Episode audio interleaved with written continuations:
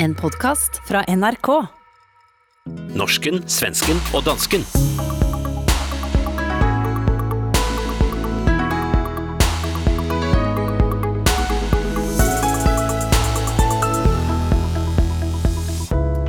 Svenske kungen får sin egen storslåtte tv-serie.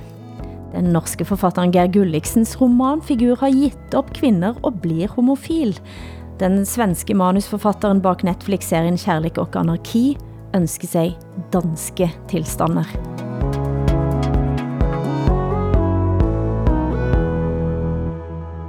Velkommen til ukens runde av panskandinavisk familieterapi. Har du været ute på glattisen igen nu, Hassan? Nej, det har jeg ikke, fordi vi må ikke gå på isen i Danmark. Øh, det er meget, meget svært for os danskere at forstå det med is. Så når der er is på vores søer og åer, så går vi ud på den, selvom den ikke er tyk nok. Og så kommer politiet og giver os bøder for at, øh, at være på isen. Øhm, det, er meget, det, det, det er farligt jo.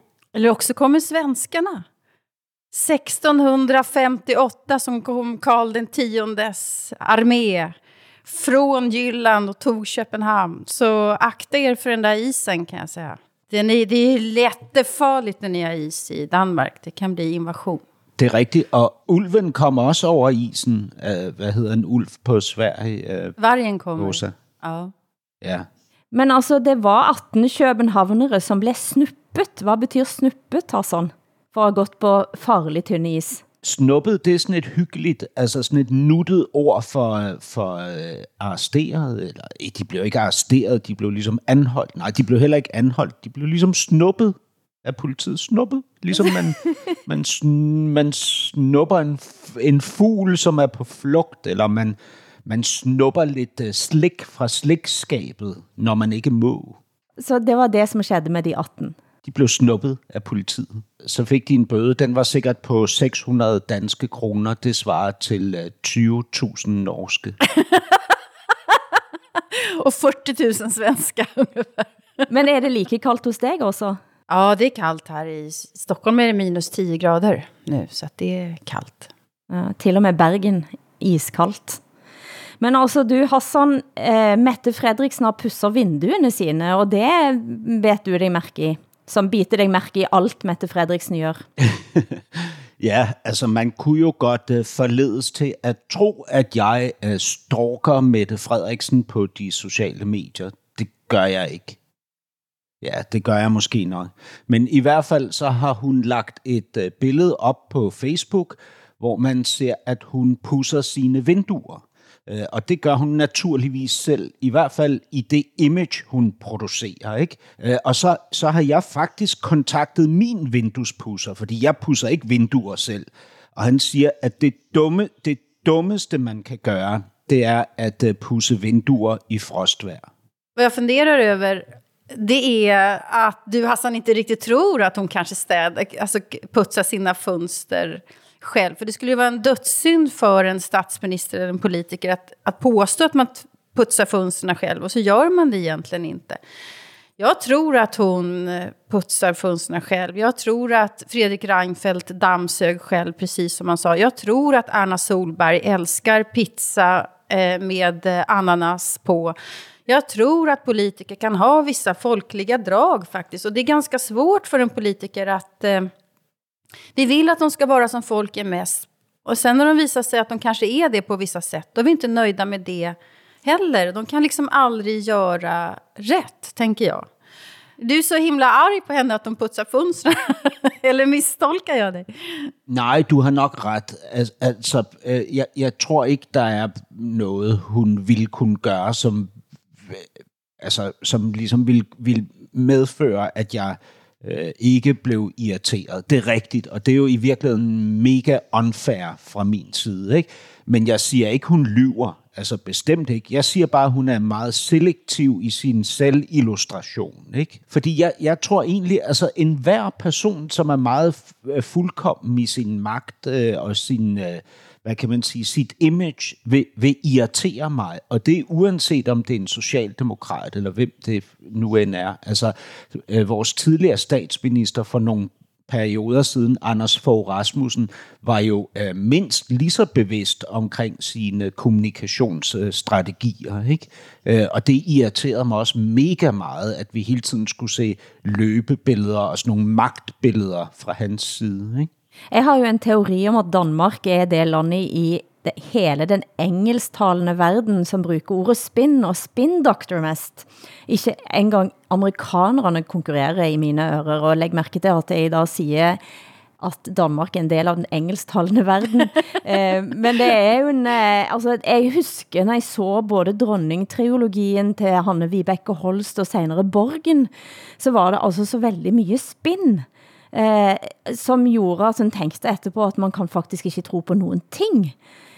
Og er, er, er danskene overordentlig optaget av et udtryk. Selvfølgelig norske politikere også. De kappes jo om hvem som fremstår mest folkelige på bilder og så videre, og det diskuteres. Men, men denne, denne enorme eh, troen på at alt som kommer ut er planlagt, er det særligt dansk? Ja, jeg, jeg ved ikke, om det er særligt dansk, men det er dominerende, ikke? At, at jo mere øh, konstruktion der er, jo sværere er det at tro på det. Ikke? Og, og det er ligesom selvforstærkende, fordi mistænksomheden, den fører sig til endnu mere konstruktion, og endnu mere konstruktion fører til mere mistænksomhed. Ikke? Og sådan bider hunden i sin egen hale. Ikke? Øh, og, og det synes jeg, ja, det er jo også lidt trist, ikke? Altså, jeg længes efter fortidens politikere, som, øh, som drak for meget alkohol og sagde upassende ting og, og hvad hedder det, glemte at, øh, at leve op til det image, som deres spindoktorer havde tegnet for dem. Det har hänt en sak i Sverige här den här eh, veckan angående vad som är planerade utspel och inte. Och det är vår försvarsminister Peter Hultqvist. I en debatt med Jimmy Åkesson häromdagen så började han bokstavligen skrika inne i tv-studion. Eh, att eh, man måste dra en röd linje mot, han sa just röd linje, eh, mot eh, Sverigedemokraterna och man måste komma ihåg deras nynazistiska förflutna. Här drar man upp ett extremt språkbruk ifrån ett extremt parti och så sen så liksom menar man på att alla andra bara ska falla undan. Jag accepterar inte detta. Jag vill dra en röd linje mot detta. Det här är inget parti som Kristersson och Bush kommer att klara av att tämja. Högerextremism går inte att tämja. Jag menar, det finns en undervegetation, det finns en värderingsbildning här. Ja, du kan skaka på huvudet, du, men det här är fakta. Det finns en värderingsbildning som inte stämmer överens med det övriga politiska fältet. Så ni är inte ett parti som andra. För min del handlar inte det här om desperation, det handlar om min ärliga uppfattning. Och han sa, det här är ingen partistrategi från min sida, utan det här är vad jag verkligen känner. Och det var så helt ovanligt att få höra en, en politiker med patos och känsla säga att det här är vad jag faktiskt innerst inne känner. Det var som att hela Sverige stannade till för en sekund. Att det här var inte planerat, det var inget ingen spindoktor som hade liksom sagt att så här ska du göra i, i studion. Utan han plötsligt bara man kan säga att han tappar kontrollen, men man kan också säga att han blev en människa där inne. Det var otroligt intressant att se det som hände. Hvordan var reaktionen på då? Ja, men sen har det blivit diskussion då om att han... Eh, att, att Socialdemokraterna nu har gjort flera utspel där man, där man påminner om, om Sverigedemokraternas nazistiska förflutna. Och det här Hitlerordet kastas ju fram och tillbaka hela tiden i Sverige. Så har det varit i många år. Och det är ju problematiskt i sig själv, skulle jag säga. För att man relativiserar ju till slut förintelsen och, och tredje riket. Men det var helt, helt otroligt att se en politiker faktiskt som, som bara säger det här är vad jag verkligen, verkligen känner. Du har jo tidligere været optaget av danskene som prioriterte at give vaccinen til udsatte, men den debatten har også skudt fat i Sverige. Hvordan arter den sig? Ja, det har varit en diskussion om vilka som ska prioriteras och eh, då gick Folkhälsomyndigheten ut och sa att det skulle vara utsatta grupper. Eh, och i det begreppet så låg då eh, många som bor i eh, invandrartäta förorter. Det var i alla fall så det tolkades. Och Folkhälsomyndigheten ville inte riktigt säga vad de menade med det där begreppet. Och då blev det ju naturligtvis en diskussion som gick ut på, ska de prioriteras när gamla då ska få vänta och ska de som jobbar i vården få vänta och sådär. Och sen så strök Folkhälsomyndigheten det där begreppet då. Så att nu är de plötsligt inte prioriterade. Men det var en hetsigare debatt än den motsvarande som var i Danmark, som jag vill minnas i alla fall. Att i Danmark så sa man ju att uteliggare och hemlösa och vad det var skulle få vaccinet först. Och jag sa det, det finns ingen i Sverige som skulle för, våga föreslå någonting sånt. Och sen så var det det som faktiskt hände, fast det var på myndighetsnivå.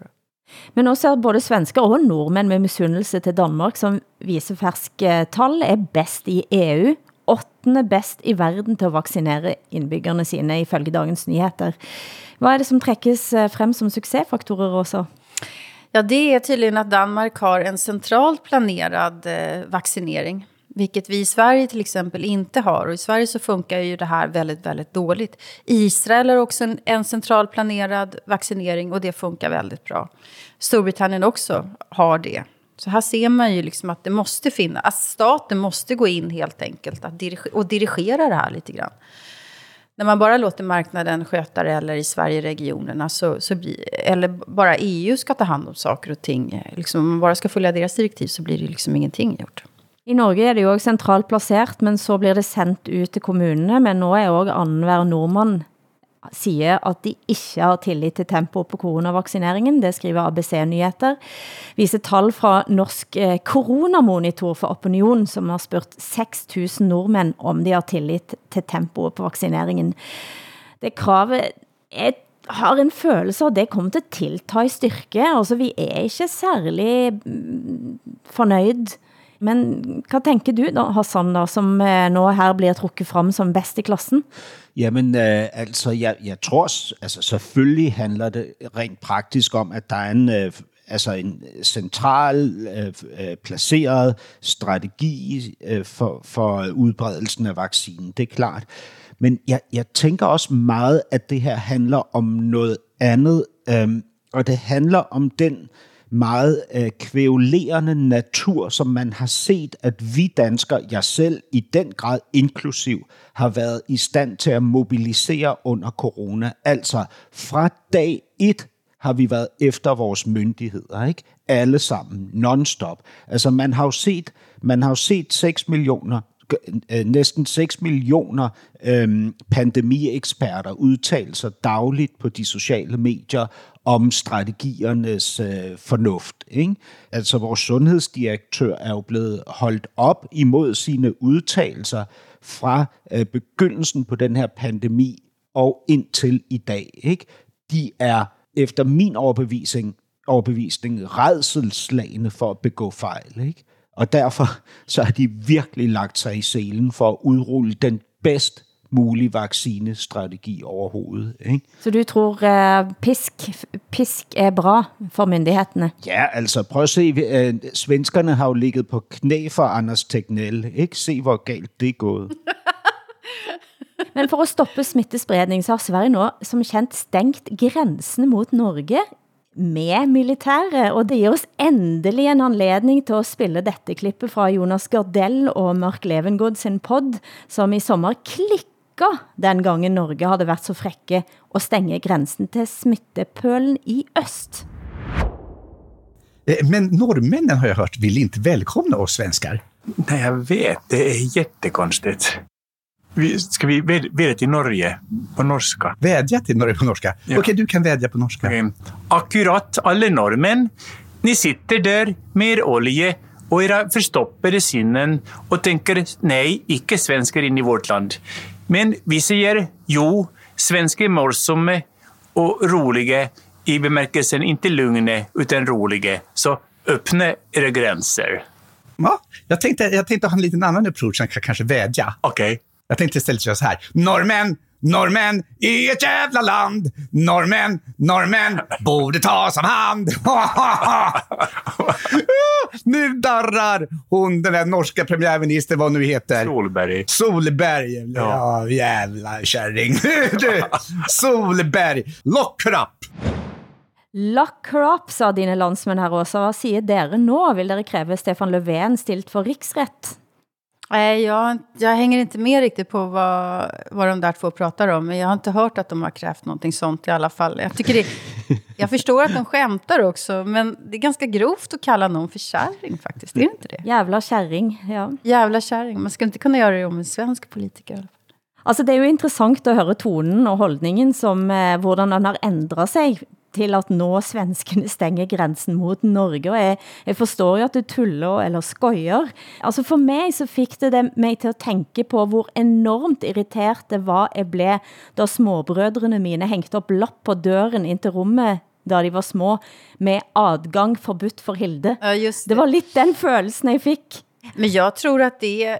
Jag känner ju som svensk, nu är jag ju mycket i Norge, men, eller vanligtvis, men jag känner en sorg över att gränsen är stängd. Det är traumatiskt tycker jag. Och eh, samma sak mot Danmark naturligtvis. Men det, det, är, ja, det känns helt fel faktiskt. Så irritation, irritation känner inte jag. Det, det var ju Mark och Gardell här, de var irriterade. Men jag känner sorg. Jag känner mig stym, stympad liksom. Jeg er lidt irriteret. Altså, jeg sidder bare her i Danmark og, og håber på, at der kommer tøvær, øh, sådan så vi ikke bliver landfaste med Sverige, fordi så skal vi til at mobilisere hæren. Øh, helt sikkert. Vad är du mest rädd för? Är det, är det virus-svenskar eller är det ulven som du är mest rädd for skal komme? Jamen, hvis, hvis jeg skal være helt ærlig, øh, Åsa, så, så har vi jo lige fået illustreret for et, et, et, et meget kort øjeblik siden, hvordan svenskere forholder sig til humor. Øh, og jeres, øh, hvad, hvad kan man sige, den svenske øh, forarvelse over øh, det, det, som vi øh, finder morsomt her i Danmark, den kan godt gøre mig rigtig nervøs. Den skrämmer mig också.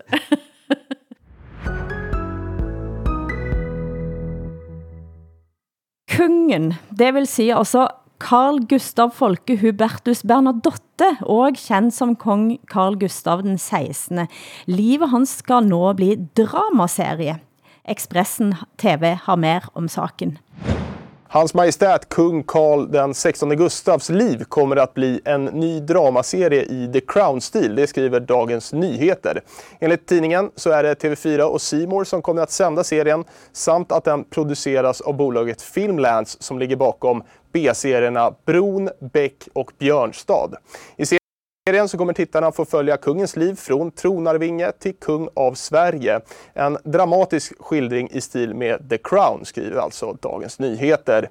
Vem som ska spela huvudrollen är inte riktigt klart, men Åsa Lantz som är manusförfattare, hon drömmer om Joel Kinnaman i huvudrollen, säger hon till Dagens Nyheter.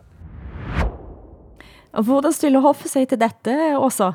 Alltså hovet, de säger att de naturligtvis är lite nervösa. De har ju inte kontroll över det här manuset. Och alla som får sina liv skildrade blir ju nervösa naturligtvis. Så att det alltså fiktionens makt är ju så stor. Så att var de än gör det, jag som också tittar på The, Cla- äh, på The Crown, eh, tror ju att det som gestaltas där är sant. Och sen kan, sen kan den kungafamiljen säga att det, det där har inte hänt. Så tänker man ändå, jo, jo, åh, jo.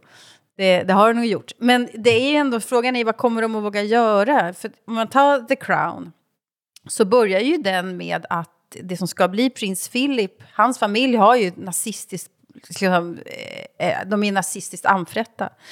Den svenska kungens pappa som do, olyckligt dog i en, en flygolycka, han gifte sig i tyska Coburg eh, med eh, hakkorset. Eh, hela stan var, var liksom prydd med hakkorset. Så, det var, så det finns ganska, man skulle kunna göra en ganska lika upptakt. Sen finns det andra skandaler som det här svenska kungahuset skulle kunna bjuda på, som kan bli ganska maffig tv med kaffeflickor och allt möjligt. Eh, frågan är vad de vågar göra TV4. Det är en kommersiell kanal. Eh, det, då kanske man är lite räddare. Jeg har tydeligvis ikke blitt helt avskrækket av reaktionen på norske Atlantic Crossing, som nå blir en transatlantisk kalkun, som Viken-avisen skrev. Nå har både svenske og danske anmeldere slaktet Atlantic Crossing, som altså tar for sig opstarten av andre verdenskrig i, i no, ikke bare opstarten, men altså andre verdenskrig, og, og særlig kronprinsesse Märthas veldig vigtige, ifølge serien, rolle eh, da i opstart av krigens slutt. Eh, og det har jo blitt sett på som en kalkun i Vikenavisen i Sverige, da den blev sluppet, så fik han terningkast 1 i Aftonbladet, og netop som du siger også, man diskuterer, ser man film, serien som en eh, replika av det som faktisk skedde, så betyder ju det ganska mycket för historieskrivningen. Ja, som historiker så blir jag ju livrädd liksom, för vad den här typen av drama gör, samtidigt som jag inte kan låta bli att titta heller. Ja, har du sett Atlantic Crossing? Nej, nej, just den har jag inte sett, men The Crown har jag ju sett alla säsonger två gånger, för jag tycker det är så, så satans bra. Men frågan är ju om det här blir lika bra, det har man ju jättesvårt att tro, ärligt, ærligt talat. Altså, jeg, jeg, jeg tænker på ham der, Joel uh, Kinnaman. Øhm, altså, øh, det er den Joel Kinnaman, altså øh, skuespilleren, den her ekstremt øh, veltrænede, kæmpe store, meget flotte mand ja. med lyst hår, som, øh, som ikke kun er en Robocop-type, som rent faktisk har spillet Robocop. Han skal nu være øh, den svenske konge. Altså, När vi snackade om det här så hade ju du Hassan hade väl ett alternativt namn på det svenska The Crown. Du tyckte att den kunde heta, vad var det du sa nu igen? Var det mig, der sagde det? Jeg tror, det var Hilde. Altså, Hassan, jeg kan aldrig huske, at jeg har sagt noget sånt. Jamen, Hilde, det er fordi, du er alt for boneret. Du er for blufærdig. Så, hvad hedder det, lige så snart du har været lidt pervers, så må det ikke komme frem i offentlighedens lys. Men det var Hilde, Hilde Sandvik, uh, kaldte uh, The Crown på uh, svensk, for uh, hun mente, at den skulle have navnet The Clown. Norsken, svensken og dansken med Hilde Sandvik, Åsa Linderborg og Hassan Preisler.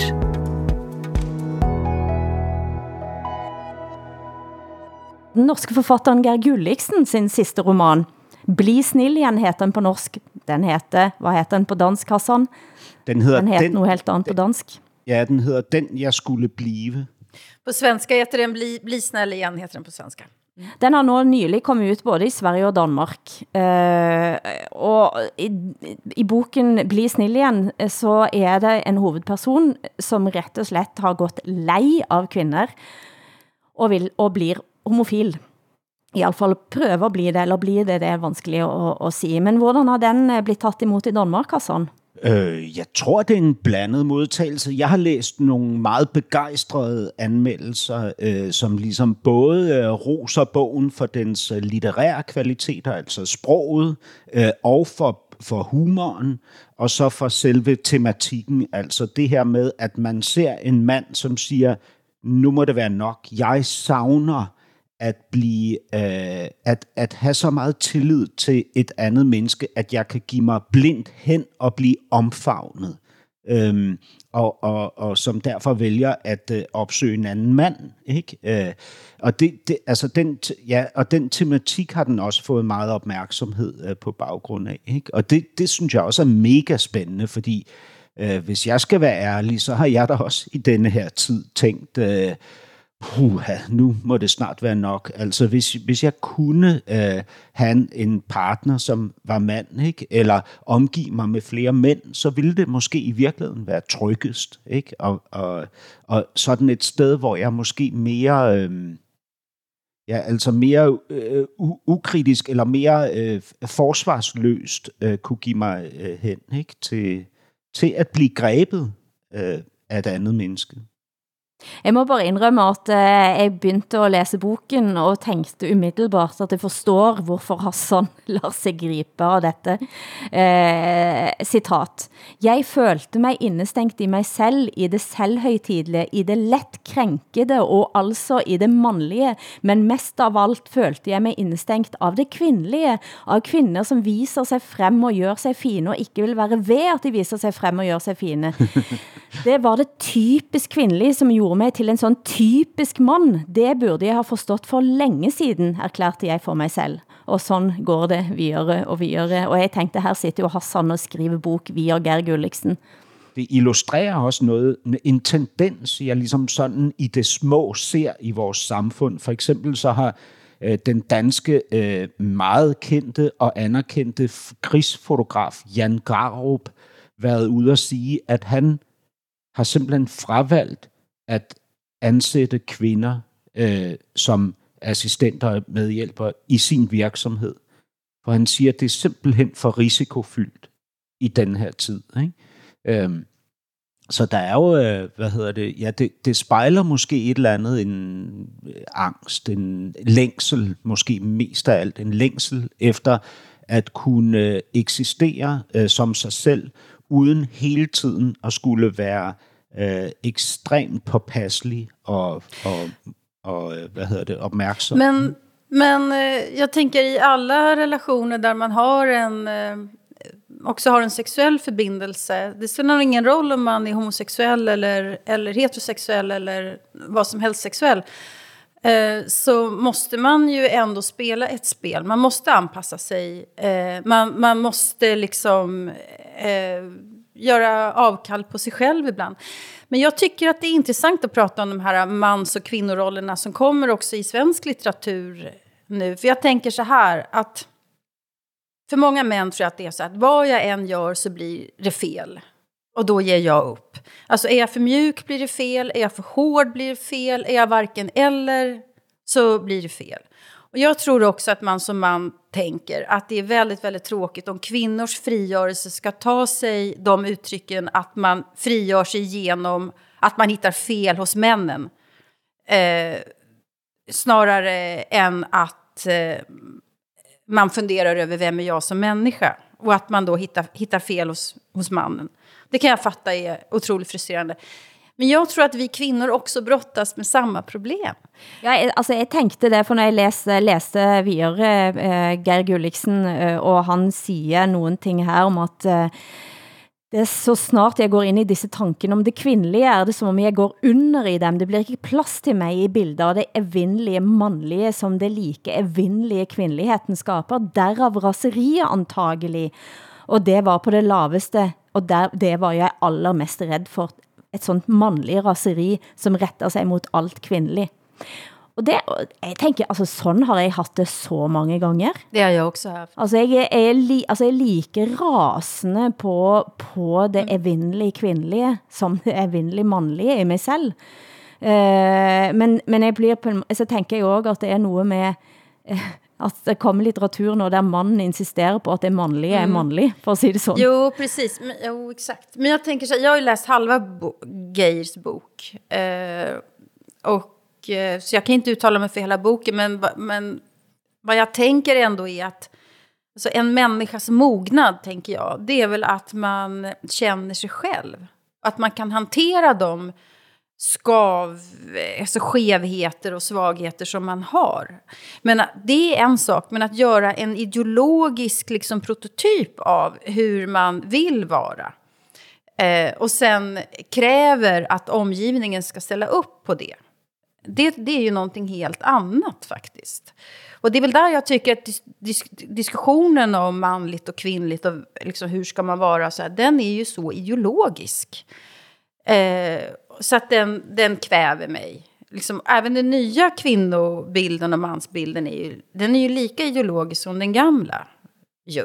Men altså, øh, hovedkarakteren i den her bog må jo selvfølgelig også konkludere, at der findes jo ikke øh, en, en krukke med guld for enden af regnbuen. Altså, øh, det er jo også et, et, et, øh, et vrangbillede, ikke? at forestille sig, at man kan gå den vej, og så er man udfriet for al sin angst og tvivl og ensomhed og ulykke. Naturligvis, sådan må det være. Det interessante er jo, øh, hvad kan man sige, øh, at, at den her figur øh, oplever en udmattelse i relation til kvinden, og derfor øh, øh, forsøger han noget, som, som for alle mænd vil være altså, øh, fundamentalt udfordrende, ikke? nemlig at gå til en anden mand seksuelt, ikke? alene fordi man ikke kan øh, få det til at fungere med kvinder.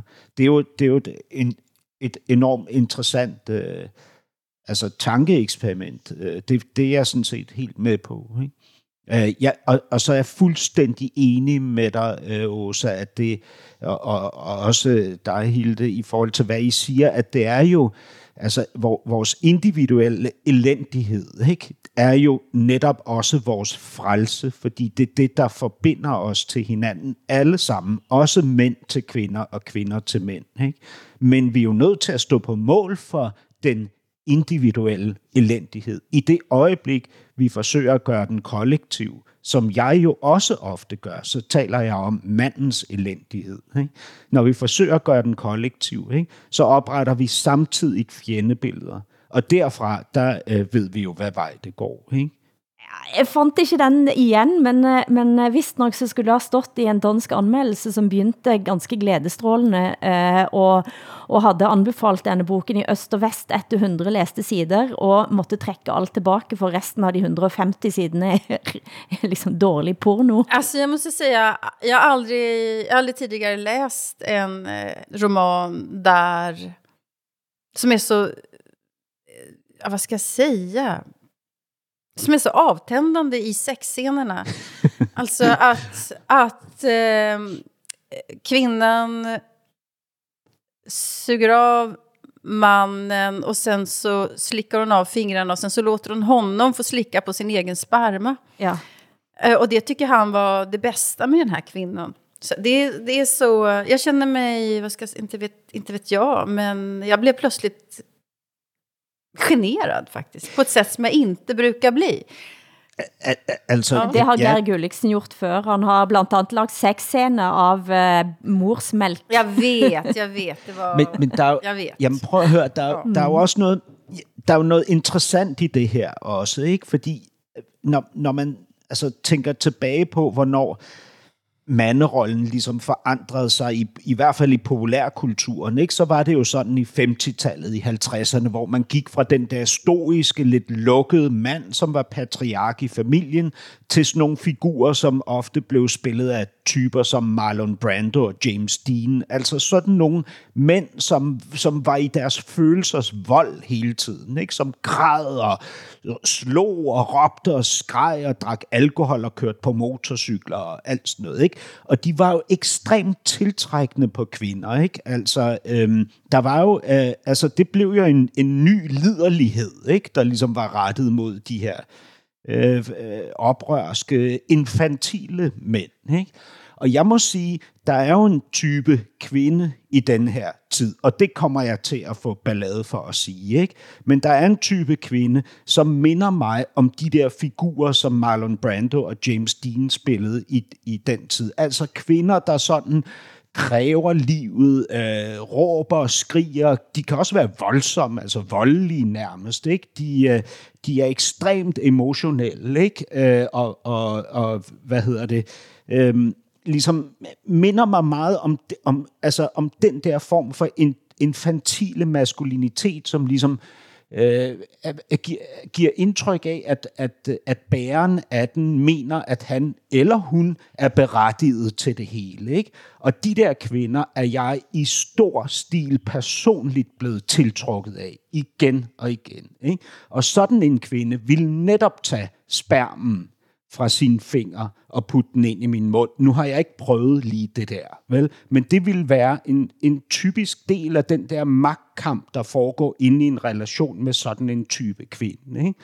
Og jeg har jo brudt ud af det, ikke ved at, at, at øh, vende mig mod manden øh, og have sex med ham, men ved at, at vende mig mod en helt, helt anden type kvinde, altså som, som altså har en, en fundamentalt anderledes personlighed, end alt, hvad jeg har lært at være tiltrukket af.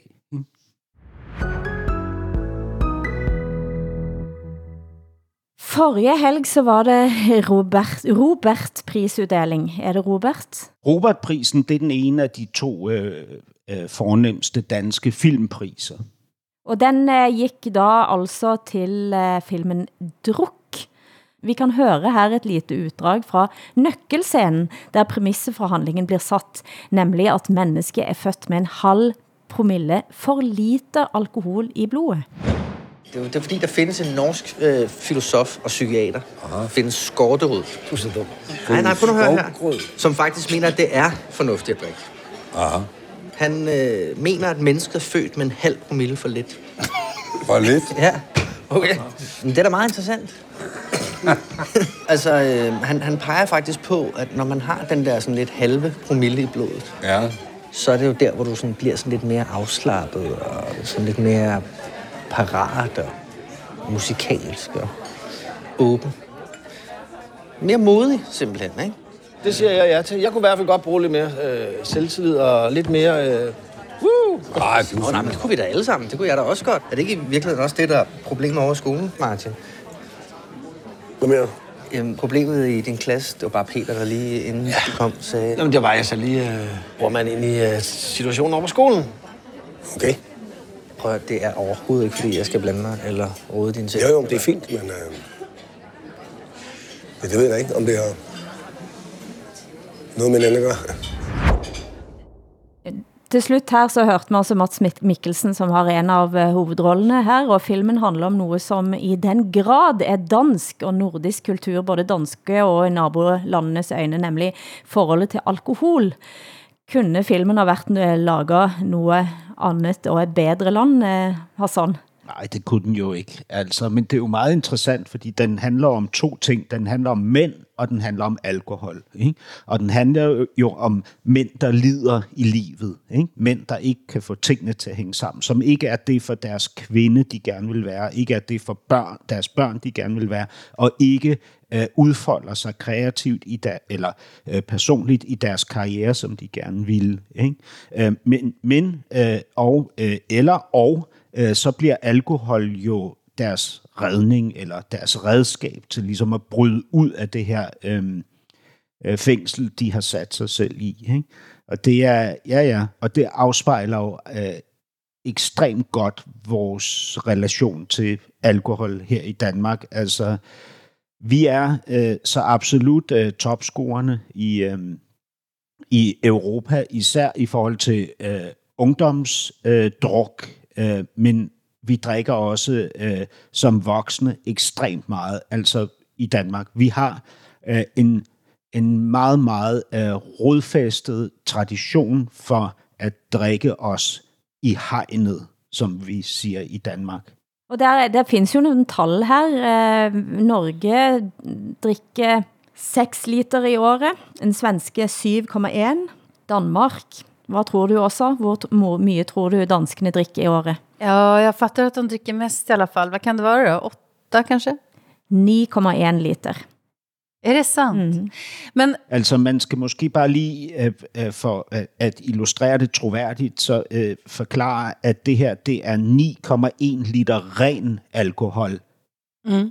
per dansker per år. Ikke? Øh, så det er ikke 9 liter vin, for eksempel, eller 9 liter alkohol. Det er 9 liter ren alkohol. Ikke? Om man jämför med Norge och Sverige så har ju Danmark inget vinmonopol eller systembolag utan där kan man handla alkohol överallt. Mm. Undrar om det spelar in att man dricker mer då? Ja, altså... Det borde väl vara ganska rimligt för vi har en ganska stark alkoholkultur i Sverige också. Vi gillar också snaps och öl och Ja.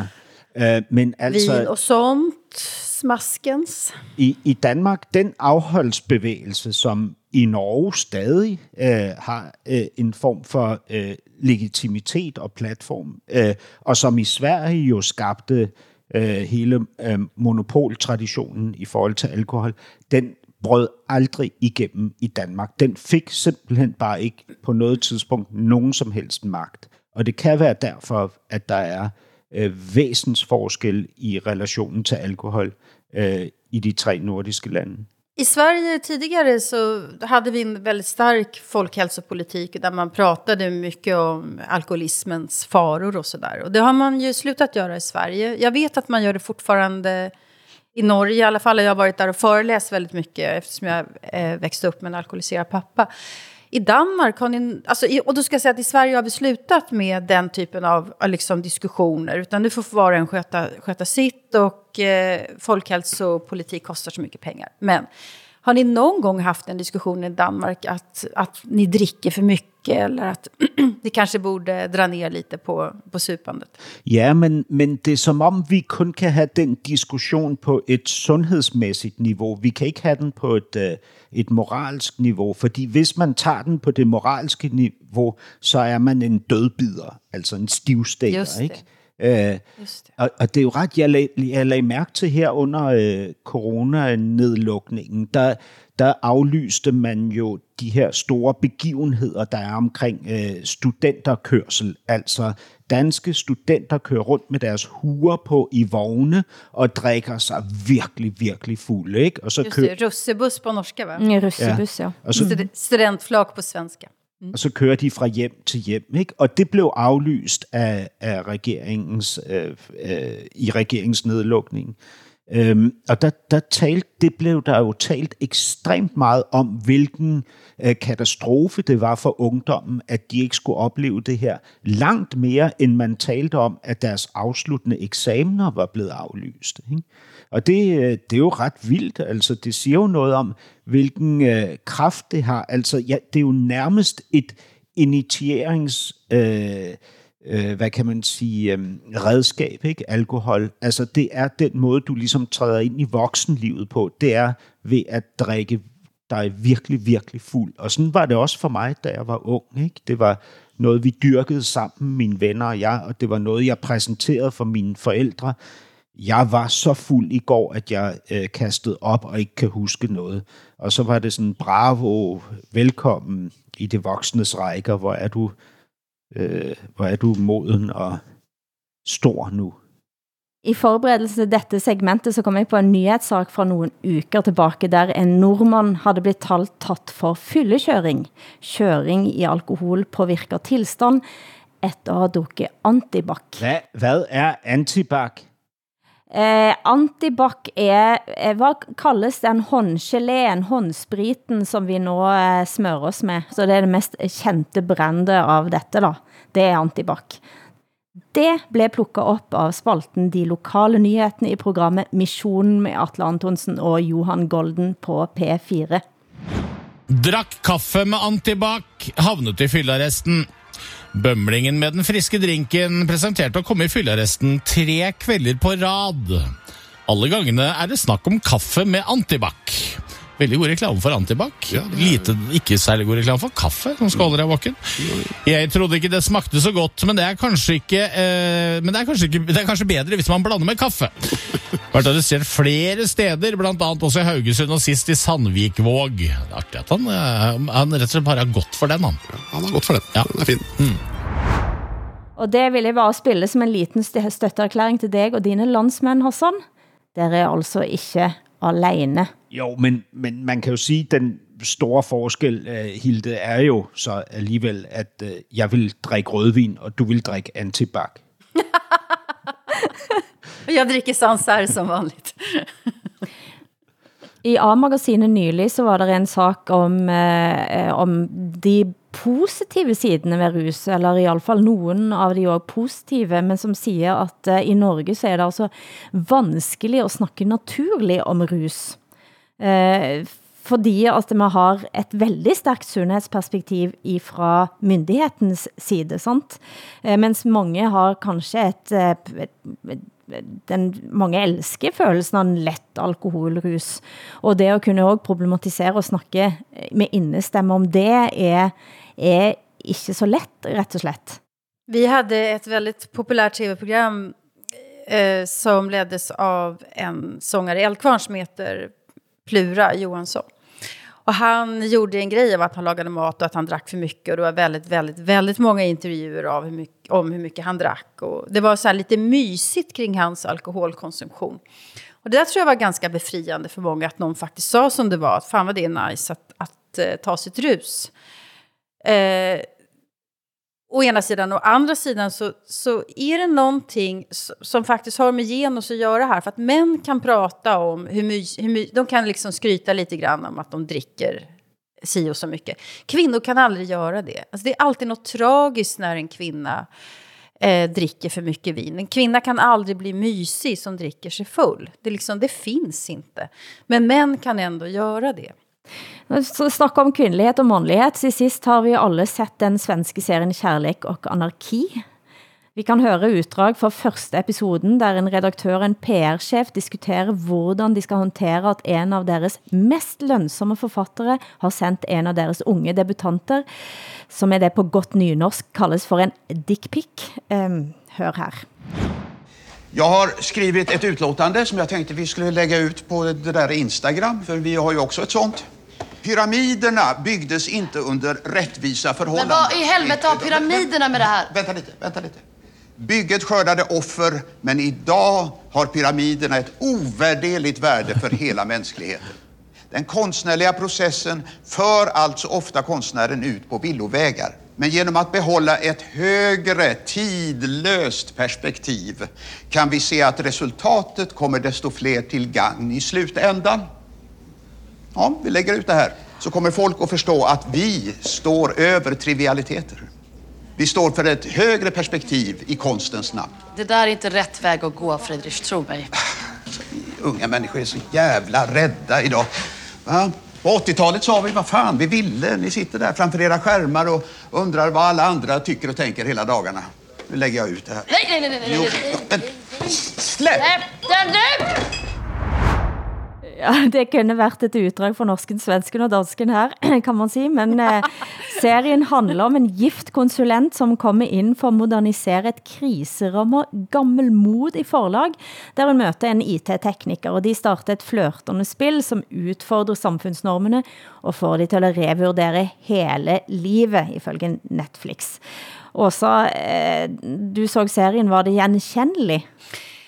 Ja, alltså dels så är det att man alltid ska göra sig lustig över eh, kultureliten eller de som verkligen brinner för seriös litteratur och sådär. Det är alltid tacksamt. Jag kände också igen mig i den meningen att förlagschefen säger att han kommer från arbetarklassens Västerås. Mm. Jag kände det här, det här retar de mig. Nej, men sen vad jag och framförallt känner igen mig i, det är ju hela den här konsulteriverksamheten. Alltså att konsulter kommer in och ska tala om hur en verksamhet ska drivas. Det är otroligt provocerande faktiskt. Eh, och roligt skildrat, morsomt skildrat. Show, gøy, kul. Hvad tænkte du, Hassan? Jamen altså, øh, Øh, jeg, jeg er virkelig, virkelig glad for, at jeg fik den opgave, at jeg skulle se den her sitcom. Altså, jeg, jeg vil ikke have sat mig ned foran Netflix og set syv afsnit af en svensk øh, hu- humoristisk øh, tv-serie. Det må jeg sige. Øh, mine fordomme stod i vejen. Men, men prøv at høre. Jeg så, Nej, men det är inga fördomar, det är ju dåligt ofta. men, men, men altså til, til danske lyttere, så vil jeg sige, sæt dig ned foran Netflix og se Kærlighed og Anarki, fordi den er virkelig, virkelig god. Og så synes jeg, det er fuldstændig brilliant, at man øh, trods alt det, der foregår i Sverige, ikke? at man faktisk øh, kan insistere på, at at øh, holde fast i, at der ikke findes rigtigt og forkert. Der findes ikke gode og onde. Og det er jo min kæphest. Ikke? Jeg bliver jo så lykkelig, når, øh, når den politiske feminist viser sig at være fuldstændig galt afmarcheret i sin fundamentalisme. Ikke? Og jeg bliver jo lykkelig, når ham der, den gamle, hvide, mandlige hanelefant på forlaget, viser sig at have en ekstremt blød side, som faktisk er noget af det allervæsentligste for kultur og kunst. Ikke? Altså, jeg, jeg synes, det var... Jeg, jeg så den på to dage, og det er sjældent, jeg gør det. Jeg bryder mig ikke om serier, jeg bryder mig ikke om sitcoms og sådan noget. Og den, den, den pendler jo frem og tilbage mellem at være meget morsom, og så være meget bevægende, øh, og egentlig også meget politisk. Ikke? Jeg synes, det er helt vildt godt. Altså, jeg tror vi måste sige også, at tack, tack, det ska inte jag säga, jag ska säga att vi måste säga att det är Lisa Langset som har gjort den här tv-serien också. Så og Lisa Langslett har eh, sagt, at hun ønsker sig danske tilstander i, eh, i Sverige på for manusforfatternes eh, vegne, fordi at hun ser, at i Danmark så har manusforfattere langt stærkere position. Nå, men jeg, jeg tænker, at hun må have kæmpet nogle kampe undervejs. Der må have stået nogle mennesker, som har ønsket at, øh, at omformulere den her serie.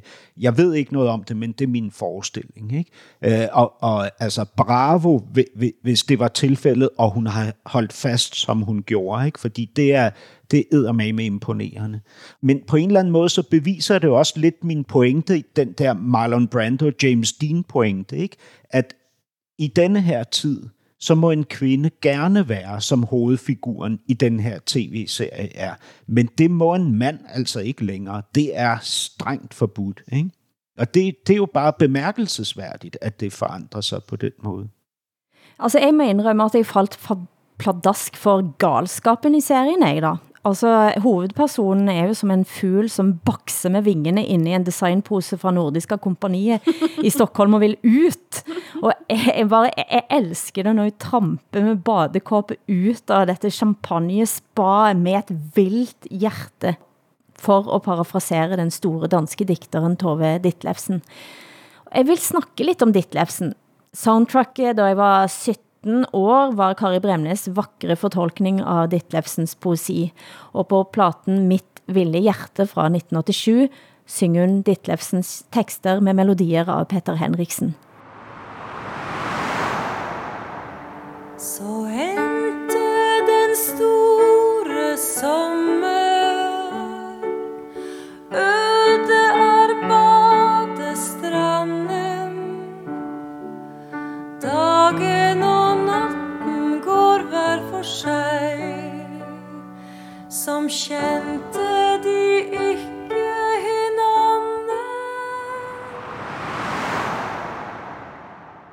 Det er en grund til at vi spiller dette ut over at det var lydsporet fra når jeg var 17 år. Eh, for du, Åsa, du er optaget av en større artikel om den danske forfatteren Tove Ditlevsen i New Yorker denne uken. Och vad var det du bet dig märke i? Nej, jag tycker det är så fint att eh, Tove Ditlevsen har, hon har slagit igenom kan man säga i, i USA nu som författare. Många, många år efter sin död så, så får hon en, en total hyllning i The New Yorker. Jag blev rörd. Eh, jag läste Tove första gången alldeles nyss faktiskt när hon kom, när hennes dagböcker kom på, på svenska. Och det är ju det är bra litteratur helt enkelt. Och nu har hon slagit igenom i USA. Det är ganska stort, tycker jag. Og det var jo også en eh, kvinde, som levde helt på kanten, når vi snakker om druk. Eh, uh, og den artiklen i New Yorker, den fik mig jo til at tænke lidt på druk faktisk, fordi den uh, siger afslutningsvis noget om, at hun måtte, hun gik jo på piller og, og drak for mye, mm. uh, og den sidste kæresten eller manden hun havde, uh, sørger for at hun slutter med det, og det ser du også er en sorg. Altså hvis du læser i artiklen i New Yorker, uh, så siger hun at okay, så er det liksom dette lidt tråkige livet. Mm. Ja visst. Men det är också, jag tänkte på det när vi pratade alldeles nyss om att det är något mysigt med män som, som tar sig drus. Det är också geni, liksom kulten tillåter män att dricka och, och knarka. Men inte med kvinnor. Kvin, med, med, alltså när jag läste Tove Ditlevsen så, så, så tyckte jag det var så tragiskt. Bland annat för att de var kvinna. För vi tycker att kvinnor ska ta hand om sig. Kvinnor ska inte hamna i det där. Mm. Jag funderar liksom över min, min, min egen, att jag gör skillnad på män och kvinnor och deras förhållande till droger och alkohol. Att jag tycker att det är värre när kvinnor hamnar i det där än när män gör det.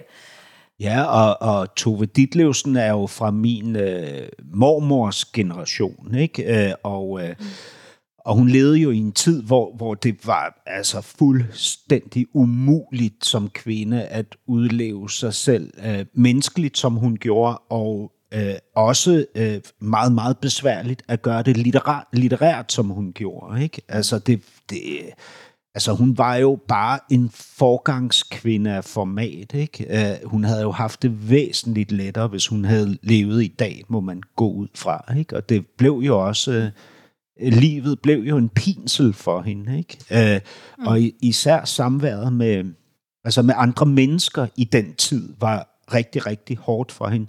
Hun, hun tog sit eget liv øh, tre år efter hun blev skilt, men allerede to år for inden forsøgte hun øh, at, at begå selvmord, selvmord, men blev så fundet i, i en skov, inden hun øh, var død.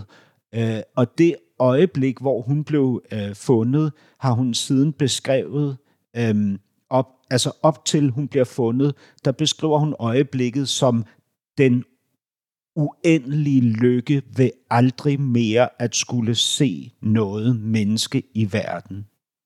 Mm. Det er vildt, ikke? Mm. Det er vildt. Men eh, det, det findes et uh, intervju som er gjort som, som, snak, som handler om Tove Ditlevsen sikkert, og dagbokene kom ut uh, med et citat som, er, som fester sig i mig, der hun siger, Tove Ditlevsen, som altså blev fundet i utkanten av skogen, var heller ikke inde i skogen. Tove, Tove Ditlevsen var mer redd for skogen end for døden. Det är poetiskt, måste man säga. Kanske ligger någonting i det också. Tak til Åsa Linderborg i Stockholm, Hassan Freisler i København. Producent har været Henrik Hylland Ulving, tekniker Esben Moril. Mitt navn er Hilde Sandvik og sitter i Bergen. Vi høres igen om en uke. Nu sjunger vi igen. Norge, Norge, det är ett jävla land. Normen, normen, borde tas om hand. Norge, Norge, är ett jävla land. Norrmän, norrmän, borde ta som hand. Det, det blir värre, det blir värre. Det kan bli ännu värre. Det blir värre. Man skakar.